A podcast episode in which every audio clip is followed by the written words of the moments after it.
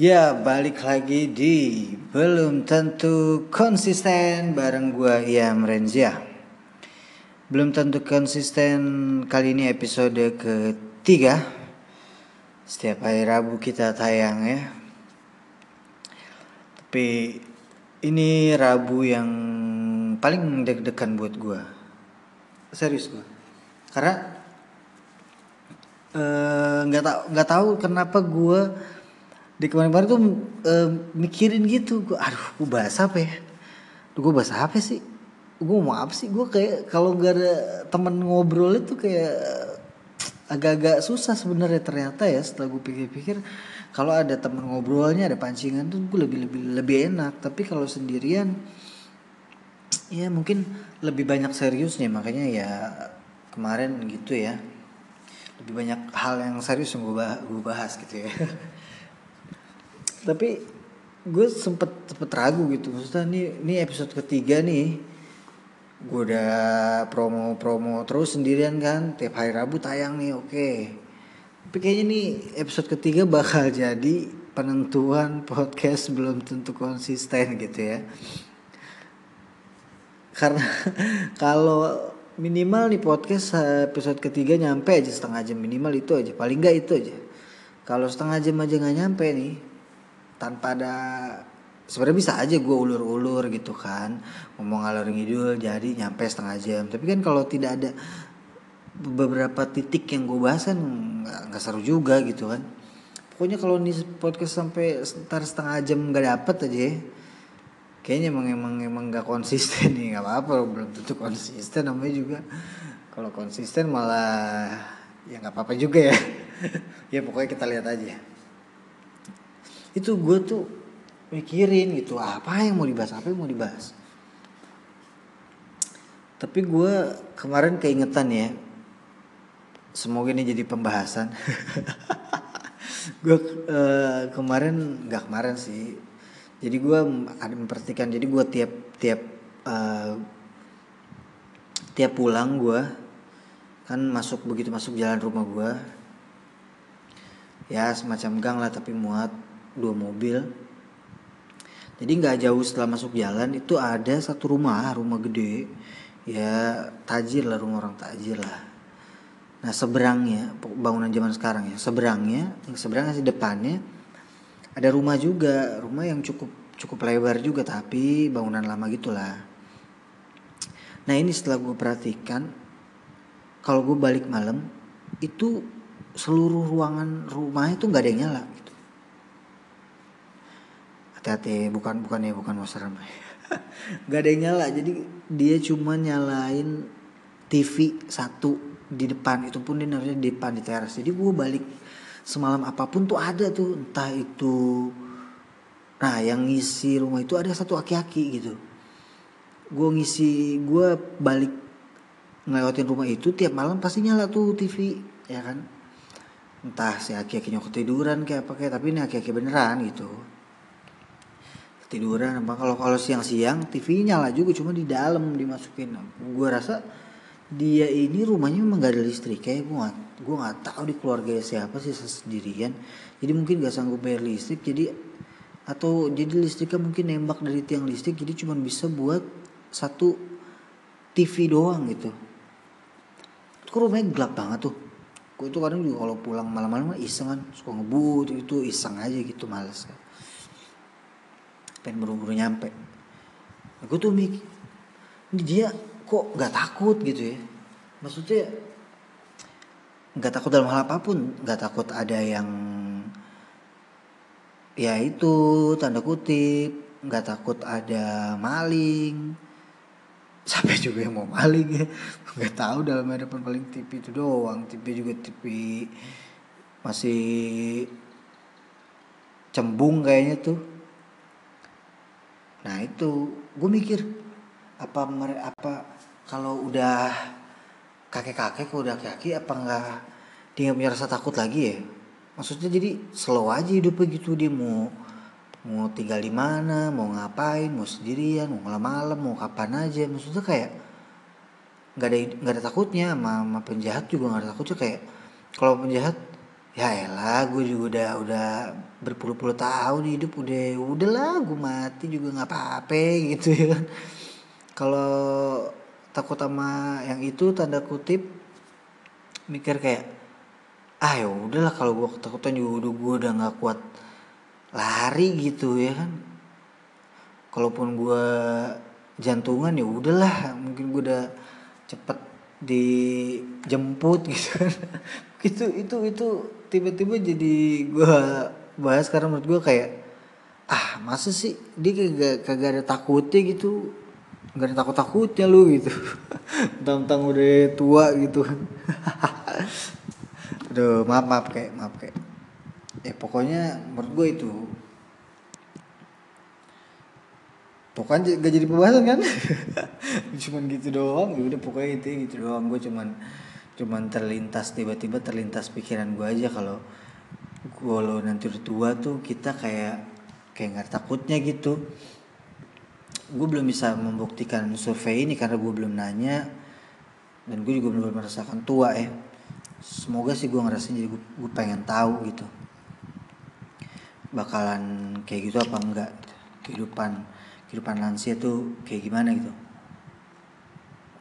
Kan kalau kata orang eh, kehidupan lansia kayak kayak balik lagi kan. Jadi makin kita tua balik lagi kayak kita kecil gitu kelakuannya. Cuman versi udah peot gitu.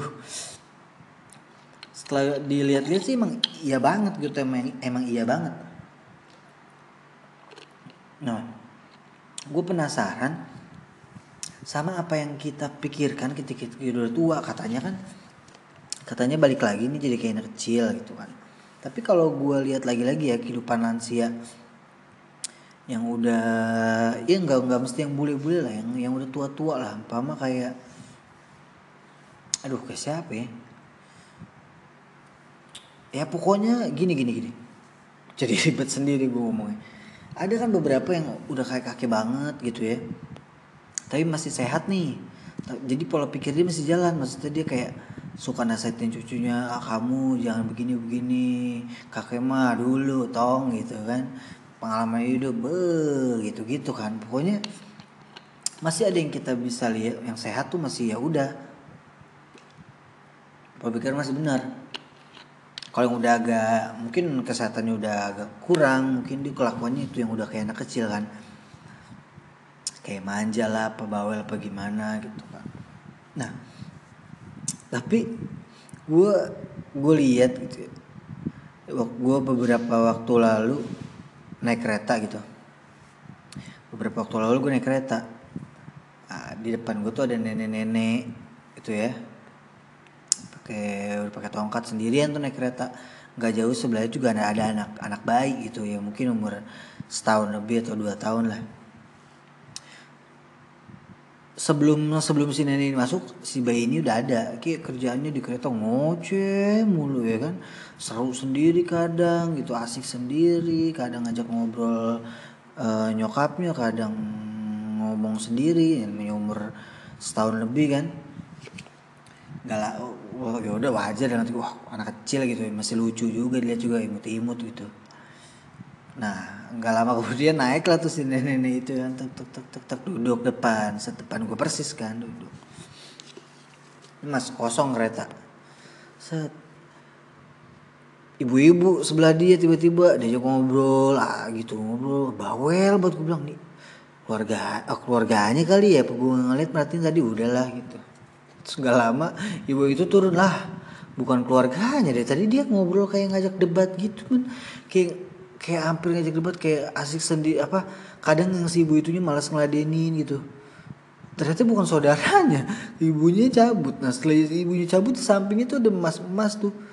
Diajak ngobrol lagi sama dia tapi ya, untungnya si mas mas ini kayak responnya positif jadi ngeladenin ngobrolnya nyambung gitu mesin nenek nenek itu.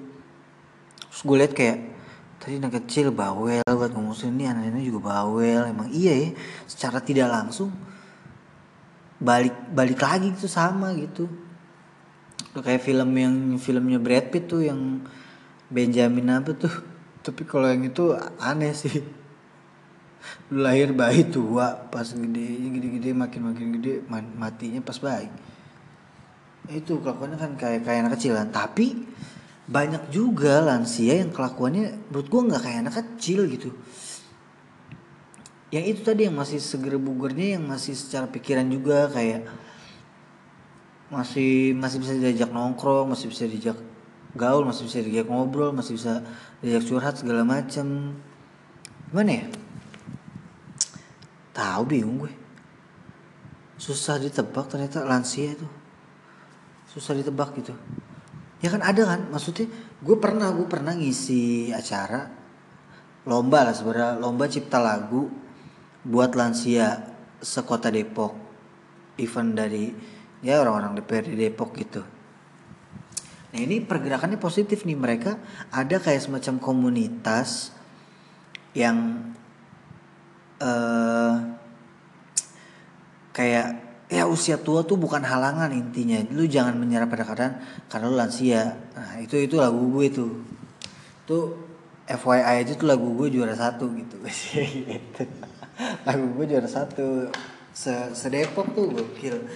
Jadi waktu awal awal ada lomba itu gue mikir temanya lansia gitu. Anjing temanya lansia. Gue gue harus bikin lagu apa ya temanya lansia gitu.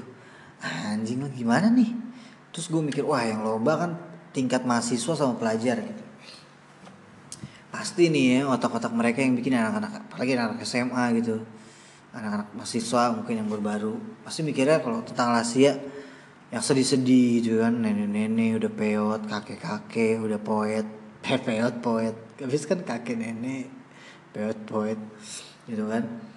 Wah pasti yang sedih-sedih nih. Menurut gue gue juga tadi mau bikin yang sedih-sedih gue bikin ada dua lagu yang satu sedih yang satu uh, enggak yang satu ngebeat semangat. Akhirnya gue putuskan yang ngebeat yang semangat karena setelah gue lihat lagi posternya gitu temanya tuh kayak lansia tuh harus semangat nggak boleh kalah dengan umurnya dia nggak boleh kalah dengan keadaannya dia. Toh lansia juga masih bisa beraktivitas gitu. Karena lombanya aja tuh nggak cuma lomba cipta lagu buat lansia ada lomba lansia idol lah apa gitu. Jadi yang lombanya juga yang selain lomba yang cipta lagu ini lombanya membutuhkan aktivitas lansia yang masih seperti segar bugar gitu ya kan. Seperti segar bugar baru naik pagar makan agar-agar. Ya gitu gitulah boy jadi gitu jadi akhirnya gue bikin lagu yang semangat. Kira-kira contoh lagunya gini. Eh. Aduh gue lupa men bentar bentar.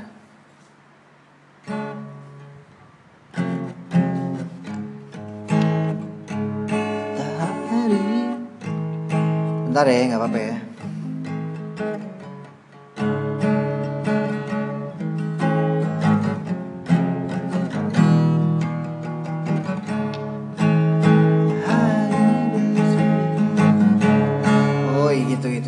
depannya udah lama udah lama banget 2000 2015 tuh kalau nggak salah. Jadi gue bikin lagu ya gini. Cuplikan aja ya. Matahari bersinar Lalu tenggelam berganti bulan Ia berputar Yang muda pura akan menjadi tua Anak-anak muda Jangan sia-siakan waktumu Karena masa muda Akan menentukan di hari tua.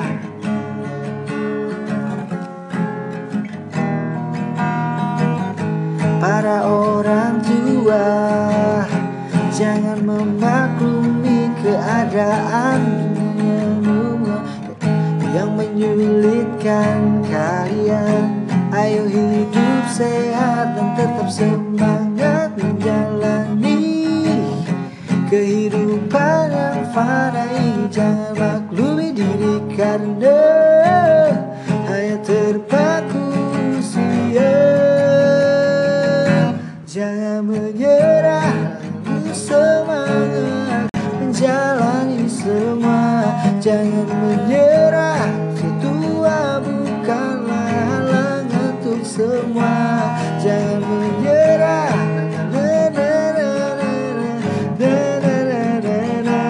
Jangan menyerah. Cinta kasih kita akan selalu ada untuk selamanya.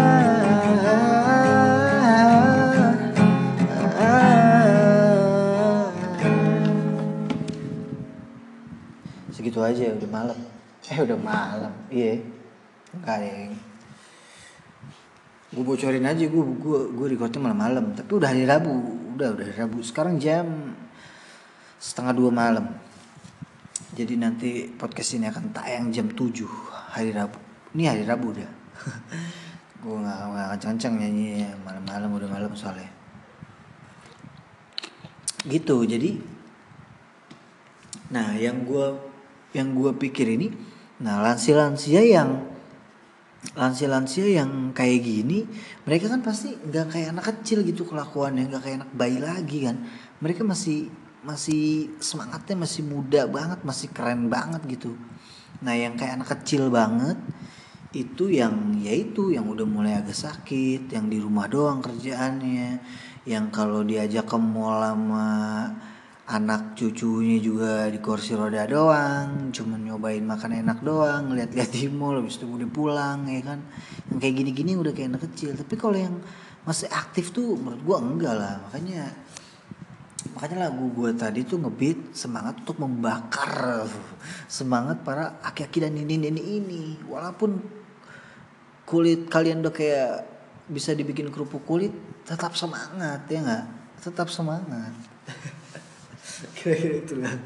Itu lumayan tuh jadi kebantu tuh durasi gue gara-gara lagu. Tapi dikit doang kan gak nyampe full. Karena gue sadar kalau gue nyampe full itu cheating gue jadinya. Lumayan kalau sampai full bisa 4 menit kan gue cheating tuh. Uh, korupsi waktu janganlah ya. Jadi itu yang masih pertanyaan gue berarti tidak semua lansia kelakuan jadi kayak kecil gitu atau ya, paling tidak sampai dia masih sehat ya nggak? Kalau dia udah sakit ya udah kelar dia bocah lagi gitu ya.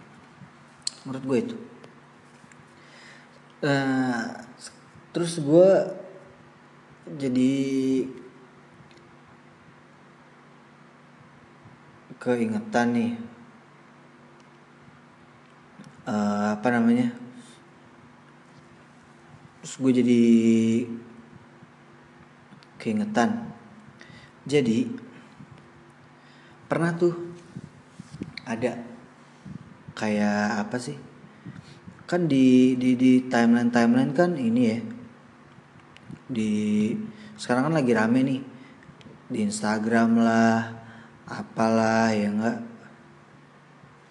Di Instagram lah apa gitu.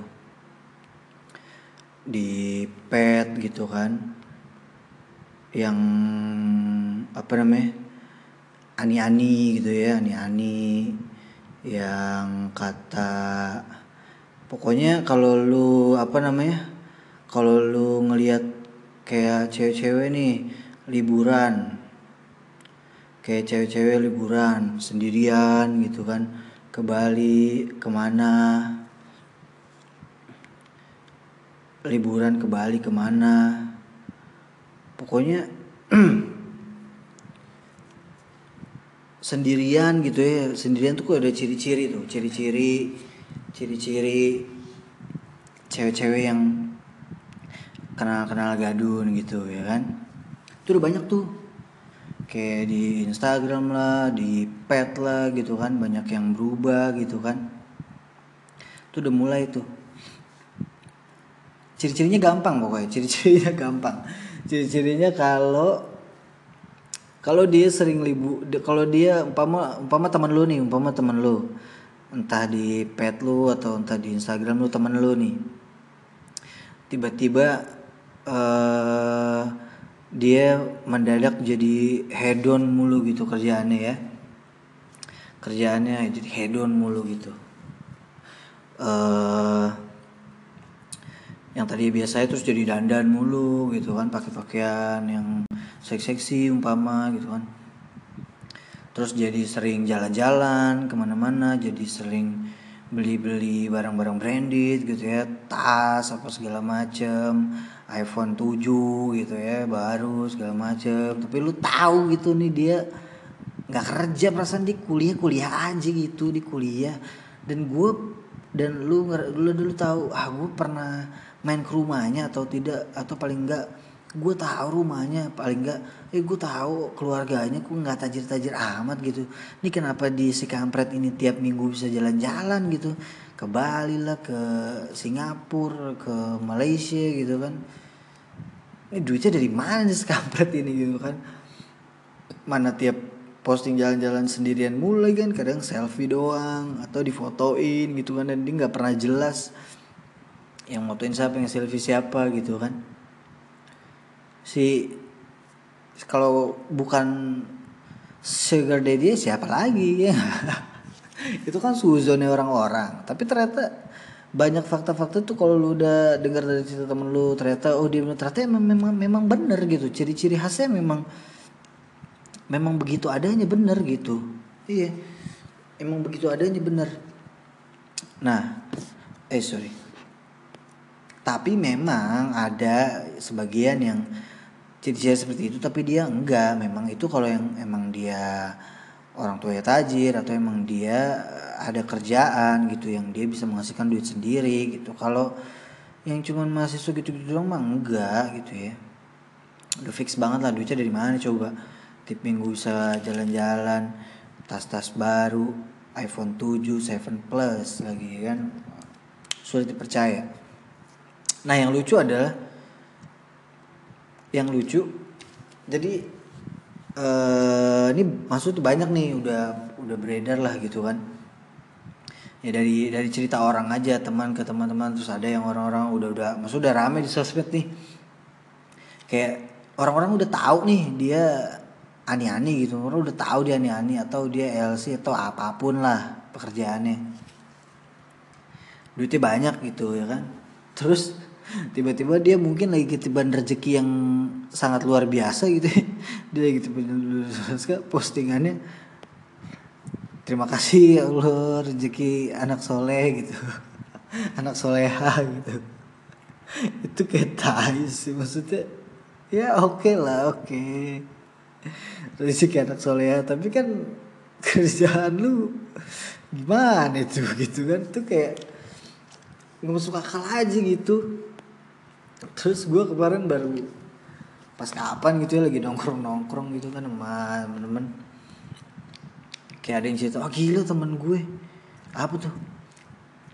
Ada temen gue LC gitu. Wah gila. Tapi dia LC-nya LC yang religi. Wah kok bisa religi? Gue bilang gitu.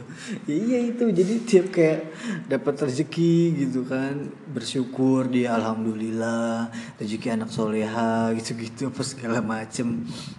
Tapi dia menurut teman gue ya dia kayak uh, ngebiayain orang tuanya gitu. Tapi orang tuanya tahu dan bahkan ya bahkan orang tuanya itu sampai diumrohin sama dia loh. Dan bahkan bahkan ada juga mereka-mereka yang yang yang umroh juga gitu.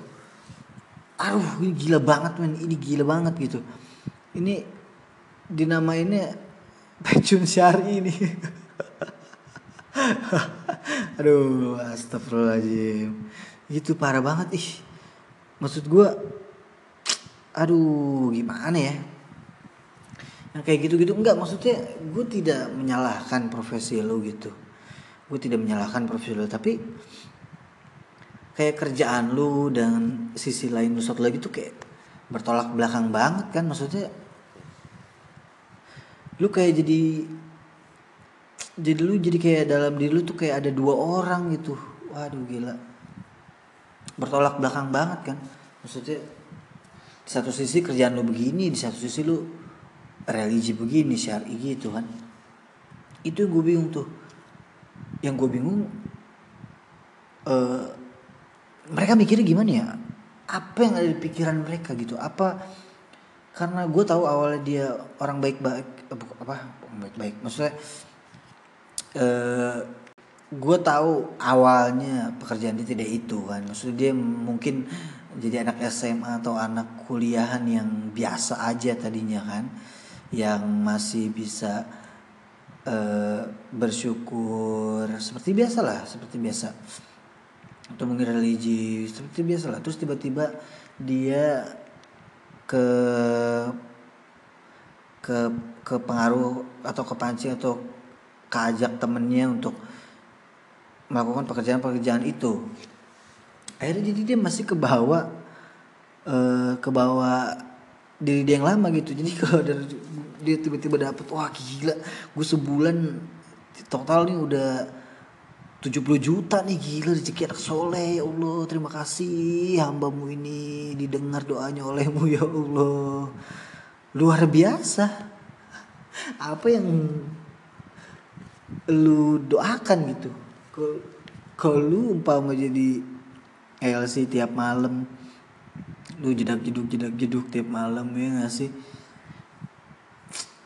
di tempat-tempat dugem gitu. Pertanyaan gue lu kapan doanya sih?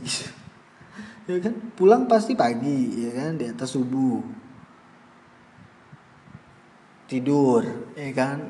Bangun lagi siang makan siang. Mungkin tidur lagi sore bangun lagi.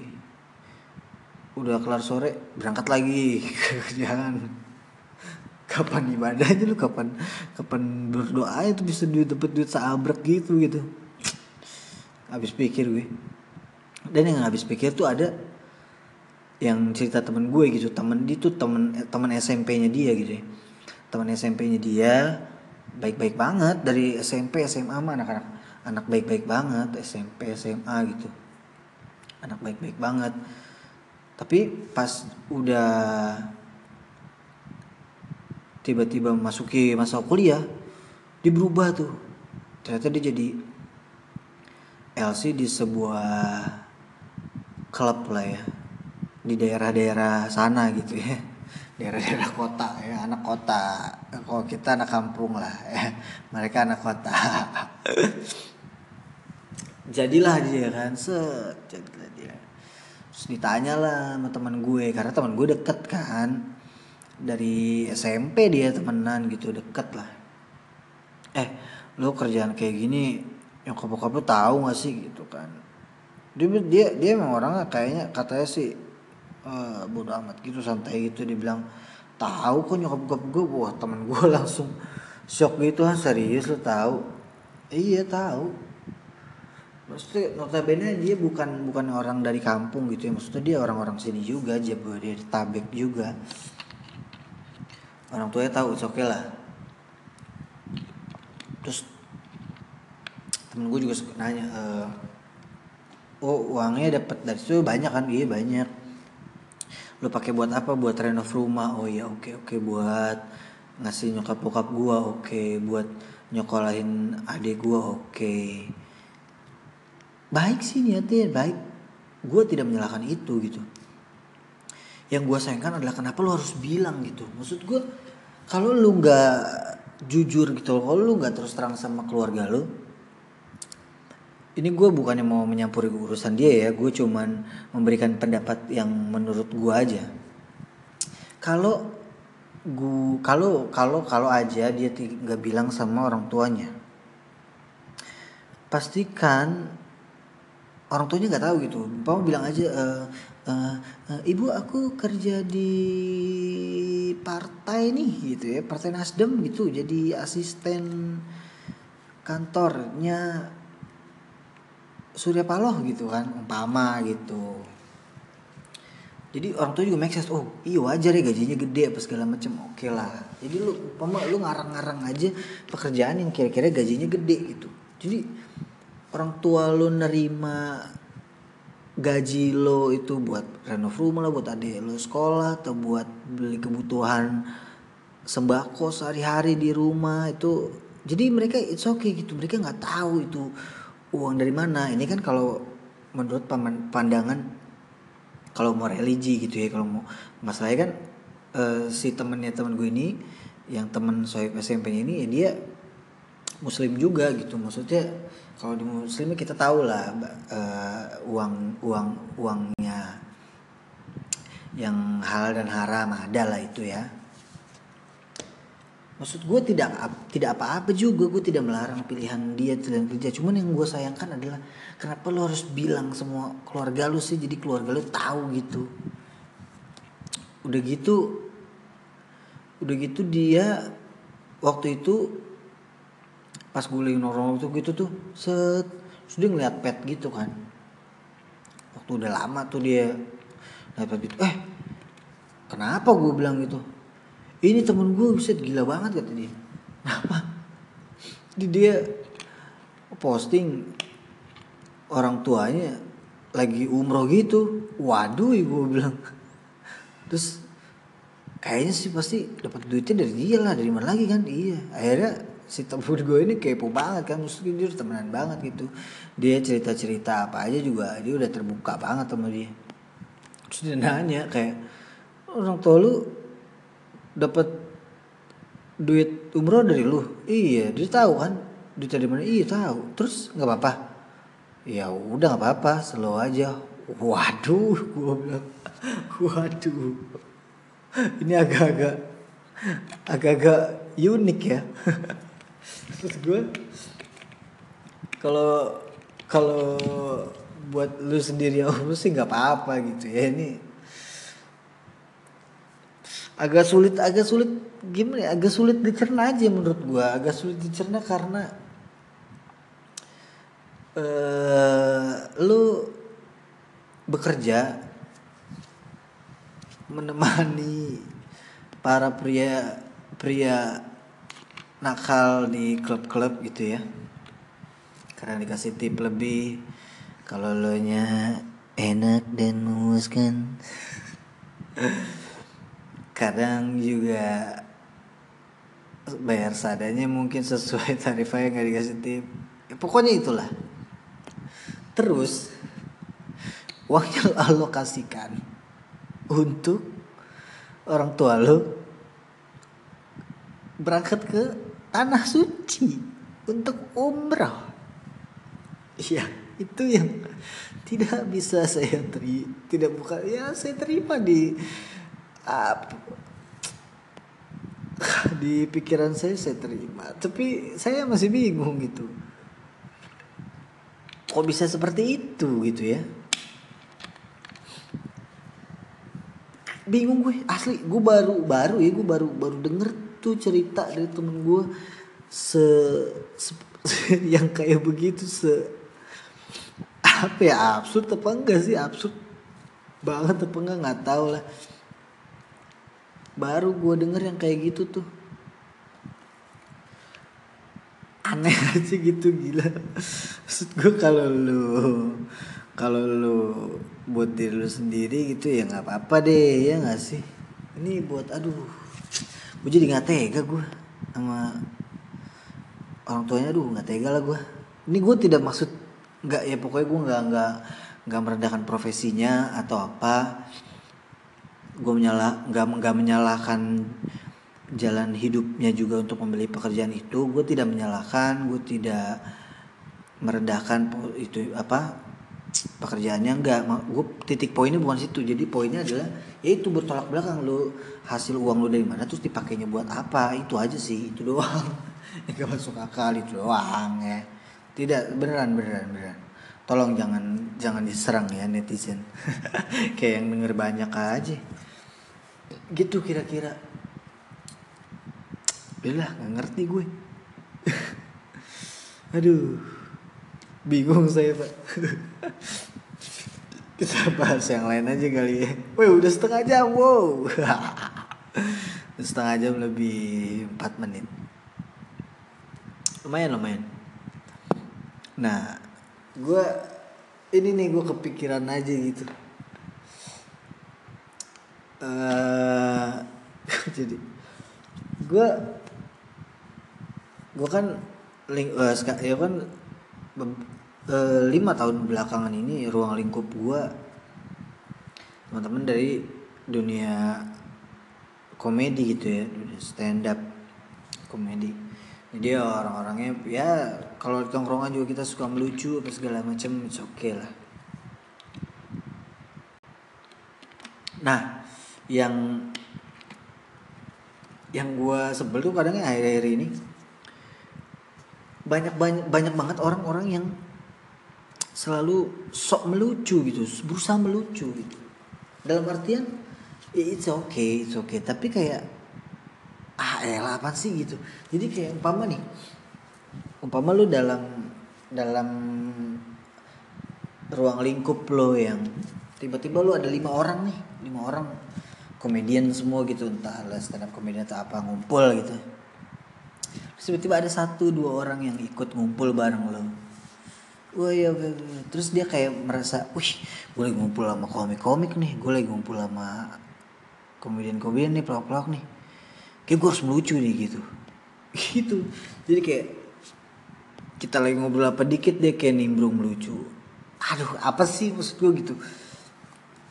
Gak mesti, gak mesti begitu. Maksudnya kalau emang tadinya tidak suka melucu ya gak apa-apa gitu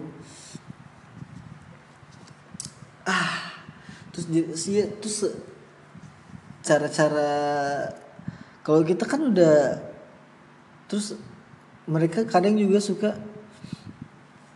ya mungkin itu pe, uh, pepatah yang eh, itu pepatah atau apa eh pepatah pepatah pepatah kan pernah ngomongan kalau lu bergaul sama tukang parfum gitu ya lu akan kecipratan wanginya atau paling tidak lu wanginya jadi sama gitu ya mungkin ini kalau lu tiba-tiba uh, bergaul sama yang komedian-komedian gitu ya mungkin aku jadi terbawa suasana jadi ikut sosok melucu terus gitu. Mau mulai dari nge-tweetnya obrolannya chat-chatnya mungkin atau ngobrol biasanya. Jadi kayak mencobanya tuh template itu udah sama gitu. Lama-lama kayak ah, apaan sih? gitu. Maksudnya ah. Kita hidup tidak selalu harus melucu terus lah gitu ya. Jangan apa-apa komedi-komedi terus. Capek lagi ya gak? melucu tuh terus tuh capek gitu. Capek karena di kita bikin materi aja gitu kalau mau stand up bikin materi. Harus dites tes dulu di tempat-tempat open mic gitu ya kita kita jajal dulu di beberapa beberapa panggung. Capek men gitu. Belum tentu lucu juga. Perkomedian ini aja pasti capek ngelucu mulu. Jangan ditambah tambahin lah yang susah lucu gitu ya apalagi kalau udah sok lucu sok asik lagi ya kan? Eh gila datang datang gitu kan. Wih apa kabar lo gila aja ah gila gue kangen banget ya malu gila. Kayak gitu-gitu tuh. Ada loh cowok yang gitu ada ada ada. Maksudnya nggak biasa nggak bisa biasa aja be. Datang gitu. Ya udah weh ya ya weh slow gitu slow tapi ya nggak tahu pembahasan ini kayak kayak kurang menurut gue. Aduh. Eh pokoknya gitu gue tiba-tiba uh, nggak tiba-tiba sih. Uh, kepikiran resah aja risih aja sama orang-orang gitu. Maksud gue ini maksud gue lu tidak perlu oke okay, lu lu lu lu oke okay, kita manusia harus beradaptasi gitu ya. Kalau kita masuk ke kolam yang baru dunia yang baru lu harus adaptasi sama kolam itu biar lu tidak tenggelam gitu ya sih gitu. Intinya lu lu kalau lu lu bisa beradaptasi lu bagus gitu kan. Tapi menurut gue cara adaptasinya itu bukan dengan menjadi mereka gitu. Kayak umpama gue nimbrung sama orang-orang yang interest politik semua gitu. Politikus pengamat politik apa. Gue bisa beradaptasi beradaptasi sama mereka yang nggak mesti gue jadi harus sotoy politik gitu. Enggak nggak mesti gitu gitu. Kayak umpama lo punya lo punya temen nih lo lo lo lo orang lo orang Sunda gitu paham lo punya orang temen nggak usah sudah deh Jakarta eh Betawi lah gitu ya. Nggak Betawi lu Jawa deh Jawa deh. Lu, lu Jawa deh. Atau lu Sunda deh apa aja deh pokoknya apa aja deh. Ya, apa pun suku lu beragam kita di Indonesia kan. Tiba-tiba punya temen orang Batak nih orang Medan gitu. Lu yang biasanya ngomong lu gua gitu kan. Ya lo ke Jakarta. Terus tiba-tiba ketemu temen lo atau lo kenal gitu orang orang Medan atau orang Batak gitu terus nanya Weh, apa kabar kau nih? Waduh. Aku dari ini tadi, jadi maksudnya lu jadi mengikuti logat dia, maksud gua Gak usah gitu, gak usah. Kalau lu memang terbiasa ngobrol, ya, ya mereka kita tetap akan nyambung kok ya kan orang kita beragam budaya bisa nyatu gitu kan. Kayak lu biasanya chat-chatan sama teman-teman lo atau ngobrol langsung sama teman-teman lo ngomong biasa aja gini kayak gue lo gue lo tiba-tiba. Ya umpama gue punya teman yang Batak namanya Beni gitu. Gue ngobrol sama Beni ya gue lo gue lo aja biasa loh gue nggak nggak kayak ya nggak kayak orang-orang lain gitu kayak Woi kau dari mana Ben aku tadi cariin kamu di sana nggak ada kau Ben. Ngapain gitu ngapain? Adaptasi nggak nggak nggak mesti kayak gitu. Gue yakin dia denger juga males ya apaan sih lu? Sosok gue gitu. Ya kayak kayak kayak gue aja gitu denger umpama ada orang orang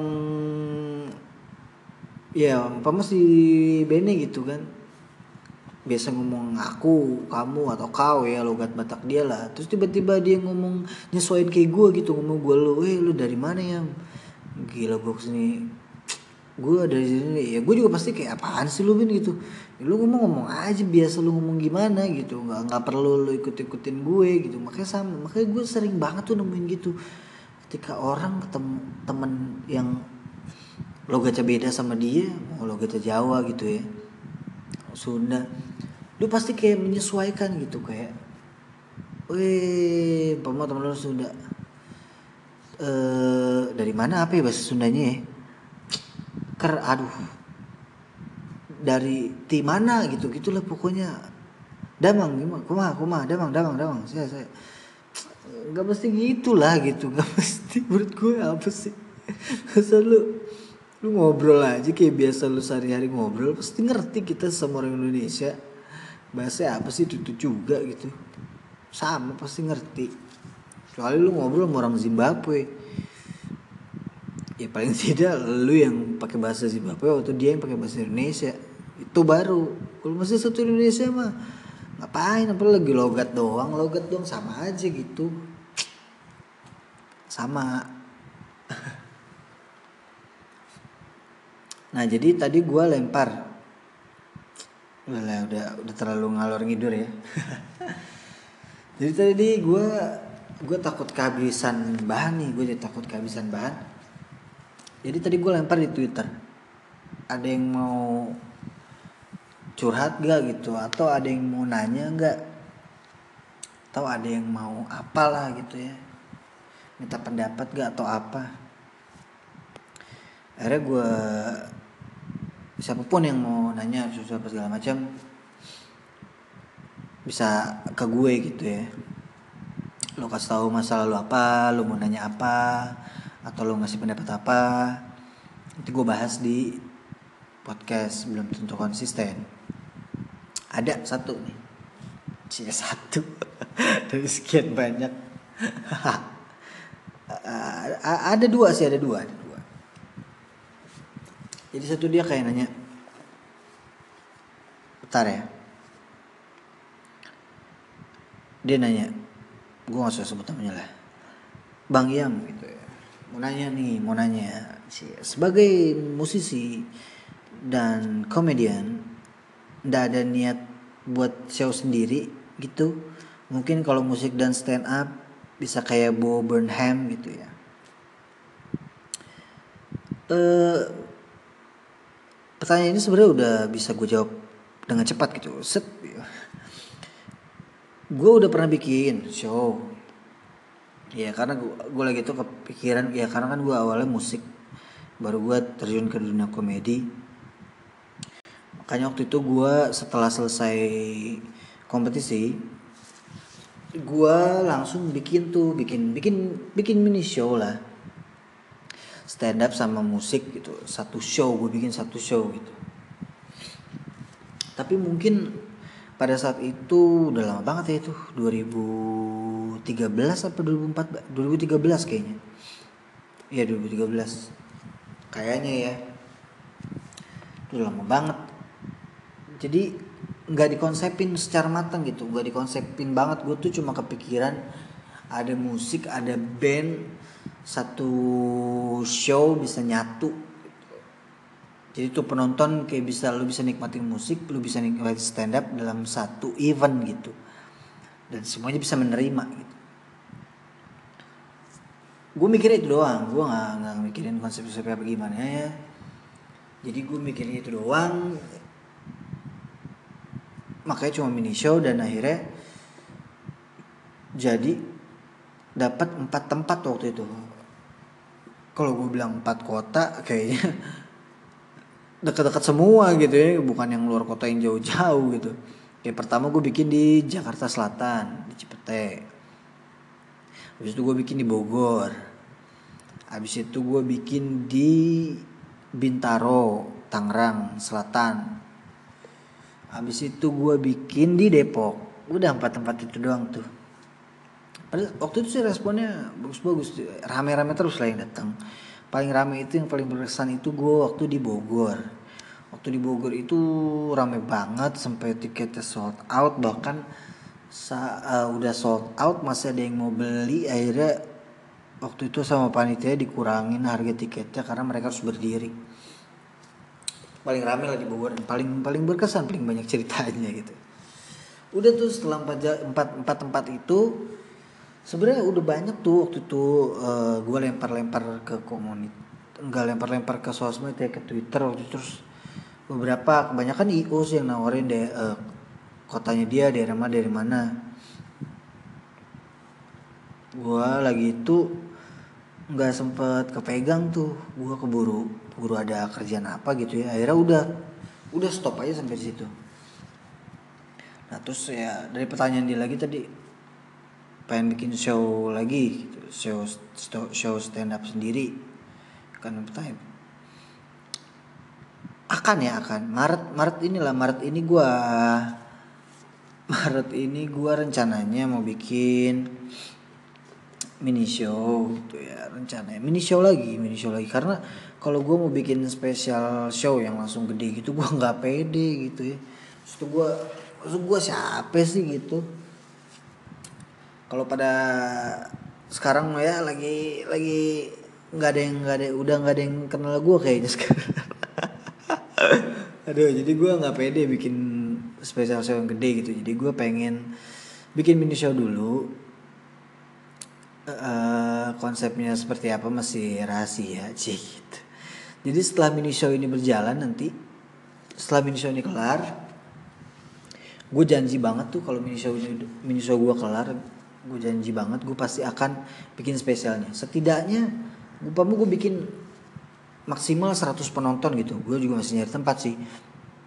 Maksimal 100 penonton.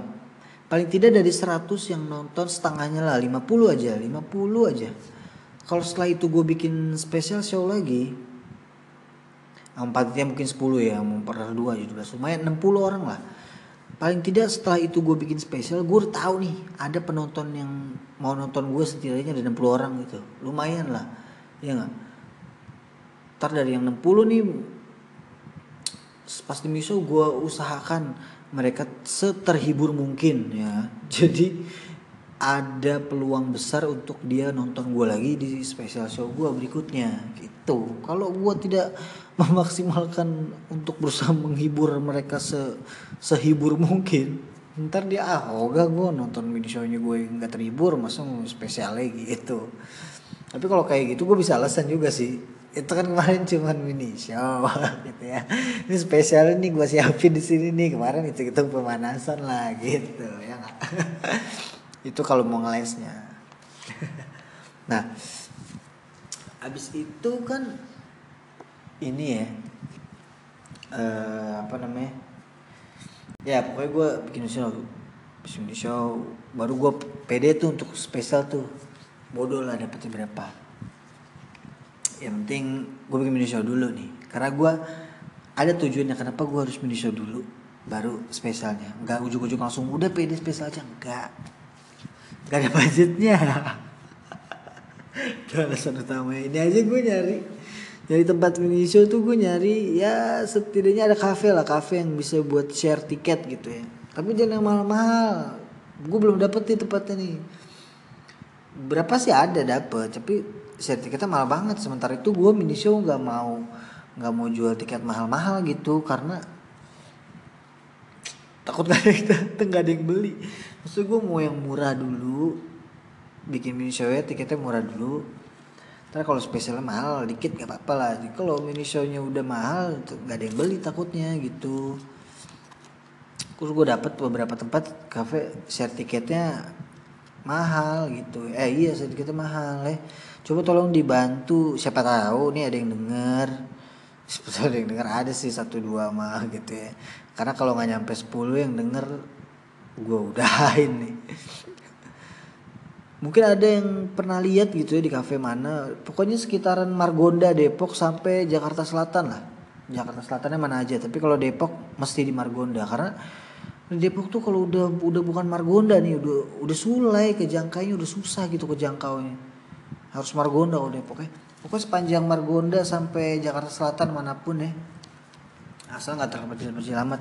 Siapa tahu ada yang punya info cafe yang dia punya mungkin dia punya meeting room yang kapasitasnya 60 sampai 100 gitu ya maksimal 100 atau kalau nggak ada 100 90 nggak apa-apa lah. Ya. 90 tuh 80 nggak apa-apa lah ya nggak nyampe 100 nggak apa-apa. Yang penting share tiketnya aman lah jangan mahal-mahal banget. Gue tiket juga gue jual tiket nggak mahal-mahal gue percaya deh. Atau paling tidak di cafe itu gini di cafe itu minuman yang paling murah berapa gitu ya.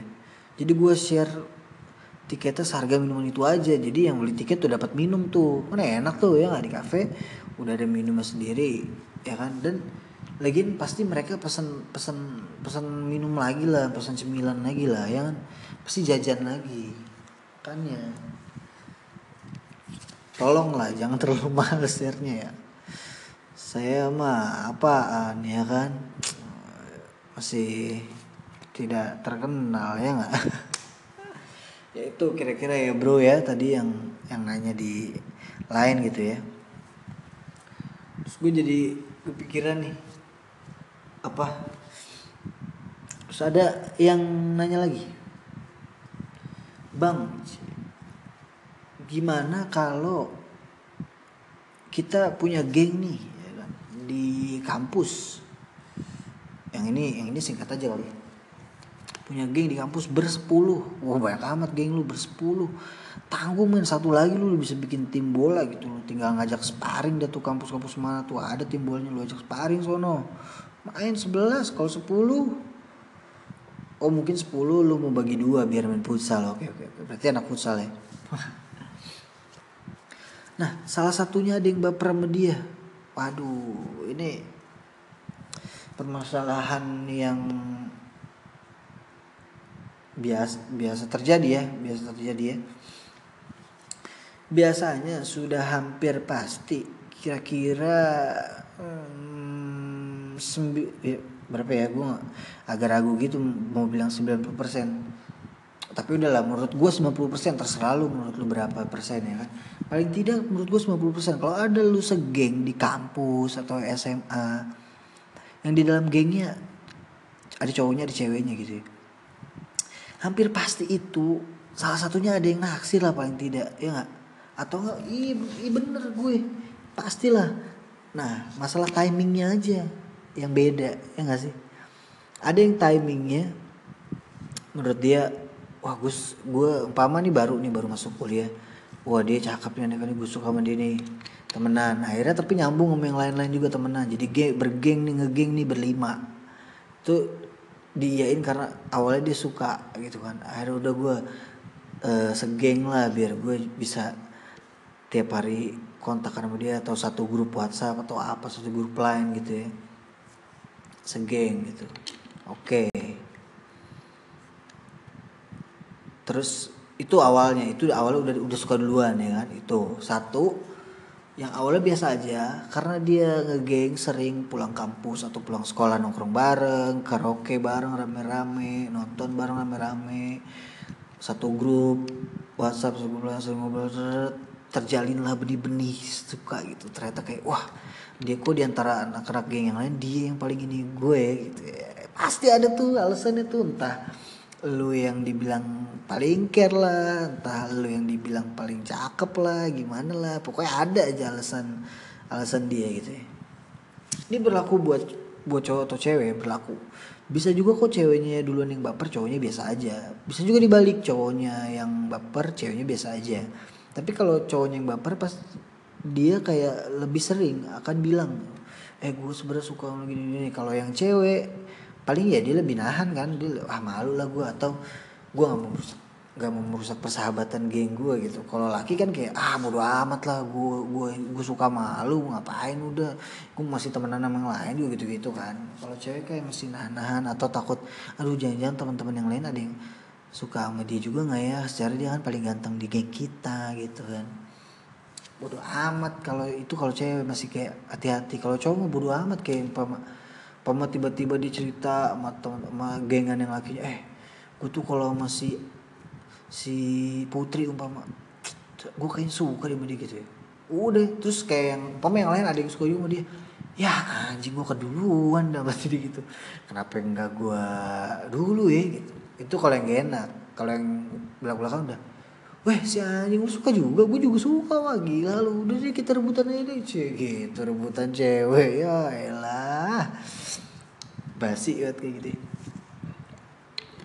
Nah solusinya menurut gue Ini sesuatunya gue aja ya. Boleh dengerin boleh enggak ya terserah lo Menurut gue kalau yang kayak gitu ya lu tembak aja langsung belak-belakan kalau lu nggak suka sama dia.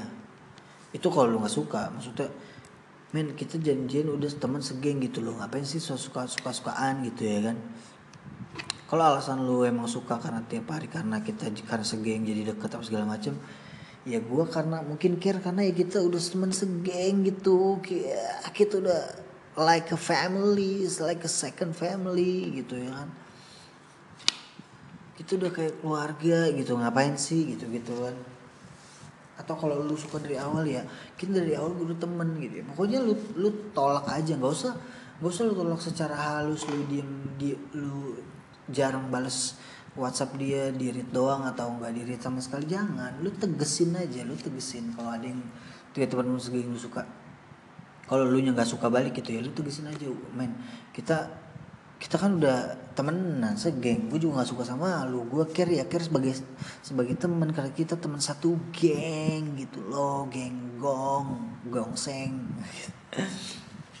kita kita udah satu geng. Ngapain sih? Gitu menurut gue lu langsung aja ngomong ngapain? Takut nggak enak jaga perasaan dia ngapain? Gitu loh. Orang dia udah mengungkapkan perasaannya ngapain lu jaga perasaan dia? Nggak usah ya kan? Langsung aja lu bilang. Kecuali lu nya juga suka sama dia atau paling tidak lu oh ini anak oke juga gitu. Kayak paling enggak lu di benak lu mau mencoba kayak ini anak oke juga mau gue coba apa ya? Itu nggak apa-apa lah Denny mungkin lu cara ngomongnya beda kayak uh, ya udahlah kita coba pacaran tapi janji ya kita pacaran tidak tidak akan merusak pertemanan kita dan yang lain-lain gitu ya udah nggak apa-apa kalau kayak gitu. Jadi dalam satu geng ah, tiba-tiba ada yang pacaran berdua gitu nggak apa-apa. Teman-teman geng lain pasti akan support selama tidak ada yang punya perasaan yang sama gitu. Iya kan ya, tiba-tiba lu oke okay nih sama-sama oke okay. teman segeng lu ada yang suka sama lu lu juga oke okay lah boleh gitu. Akhirnya lu kejadian ternyata ada satu cewek atau satu cowok yang tiba-tiba memendam juga. Ya sialan kok dia malah jadian sih gitu kan. Ah, gue udah nahan-nahan nih gue kira gue tahan demi kebaikan geng ini agar tidak terpecah. Wah ternyata si kampret malah jadian gitu. Nah udah ketemu nih kalau yang nggak suka tolak-tolak aja kalau yang suka jadian aja nggak apa-apa tapi lu juga harus tetap asik sama teman-teman yang lu harus tetap ngumpul jangan lu tiba-tiba misah berdua ya nggak sih? Biasa kan gitu tuh kalau baru pacaran duaan mulu kayak biji kuda gitu ya. Padahal kan semua biji berdua ya nggak mesti biji kuda apa aja. Gue berduaan gitu jangan karena lu awal udah segeng lu ke mana-mana kadang bertiga berempat berlima bersepuluh mungkin ya udah walaupun lu pacaran kan awalnya lu segeng nih udah teman segeng banget. Ya udah lu rame-rame juga nggak apa-apa lah. Nah sesekali mungkin lu berdua baru boleh. Nah kalau tiba-tiba aduh sorry jadi kepikiran nih tiba-tiba lu ada di posisi yang ya anjing gue udah nahan perasaan ke dia maksudnya gue tahan kan biar tidak merusak persahabatan gitu kan tidak merusak geng-gengan kalau ada yang pacaran atau gimana malah keduluan dia ya lu nggak bisa menyalahkan diri lu. Lu santai aja. Lu terima aja kenyataan itu dan lu tetap berteman. Karena di satu sisi poinnya ada dua menurut gua. Satu oke okay, lu kalau cepet. Satu. Yang kedua ya yang lu suka belum tentu mau sama lu. Karena kalau yang lu suka mau sama lu dia kan gak akan jadian sama yang ngungkapin perasaannya duluan. Dia nggak sih? Iyalah nah, kalau umpama yang diungkapin perasaan duluan dia nggak suka ya ditolak karena dia sukanya malu tapi kan dia tetap jadian nah lu yang merasa keduluan karena udah memendam perasaan takut gak enak Iya jangan marah, jangan kesel, jangan kecewa. Ya kecewa dikit boleh, kesel dikit boleh. Tapi habis itu lo harus tetap berteman seperti biasa lagi, ya kan? Kalau lu anaknya asik banget nih, kalau lu anaknya asik banget ya lu bisa bilang ke dia, ah gila lu berdua cap pacaran. Padahal gue sebenarnya juga suka kali sama lu gitu, Tapi udahlah, kan lu juga belum tentu suka sama gue kan. Gue juga kalah cepet kan ya udah kalian jadian aja. Santai kita tetap tetap ngegeng gitu. Itu kalau asik banget. Tapi kalau lu tidak bisa seperti itu ya lu tahan aja perasaan lu udah ya udahlah gitu kan gue ya udahlah sabar sabarin aja lah gitu terus dia dia lihat dia panas gitu. Ya, akhirnya jadi nggak asik lagi gengan aduh ribet banget sih geng geng gitu. Tai. Tokai bener dah. Ah, makanya gak usah lah gak usah ngegeng geng gitu. Ribet cuy. Asli ribet sumpah. Ya kecuali lu mau kayak gitu ada ada aja gitu. Atau kalau enggak atau kalau enggak lah tau kalau enggak lu ungkapin umpama umpama lu yang nahan perasaan itu lu adalah cewek atau cowok sama aja ya. Lu bilang aja sama yang lu suka. Eh diem diem nih personal. Janji aja bilang siapa siapa ya. Ya gue tuh sebenarnya suka sama lu cuma gue nahan nahan karena gue nggak mau persahabatan rusak kalau ada yang pacaran atau kadang gue atau nanti gue ditolak apa gimana. Eh lu malah jadi nama dia ya udah gue makin telat kan. Ya gue nyesel daripada gue nggak ungkapin ya gue ungkapin ke lu aja. Tapi gue tidak berharap lu mutusin dia terus lu jadi nama gue bisa berantakan tuh geng ya kan? Jadi gue cuma pengen ngungkapin ke lu biar lega biar lu tahu. Habis itu udah kita temenan biasa lagi. Udah gitu aja. Kalau nggak iris-iris urat nadi lu. Makanya gak usah. Gak usah ngegeng. Ribet sih sumpah grup WhatsApp oke satu kelas udah gak usah ngegeng lah. Eh gak sih? Biasa aja takutnya kayak gitu geng. Kecuali udah bener-bener pastikan tidak akan terjadi pertempuran hati di antara para members. CKT48 tapi ada nggak ya yang bikin geng grup WhatsApp? Bawa UI F eh, FEUI 48 ya udah lah bahas itu. Udah gitu menurut gue dari gue ya ini karena udah sejam nih ya. Yang bertanya udah gue jawab. Apa yang tiba-tiba tadi gue mau bahas juga gue bahas. Saatnya mungkin gue undur diri. Ya Merenzia. Kita ketemu lagi minggu depan di belum tentu konsisten. Thank you. Ciao.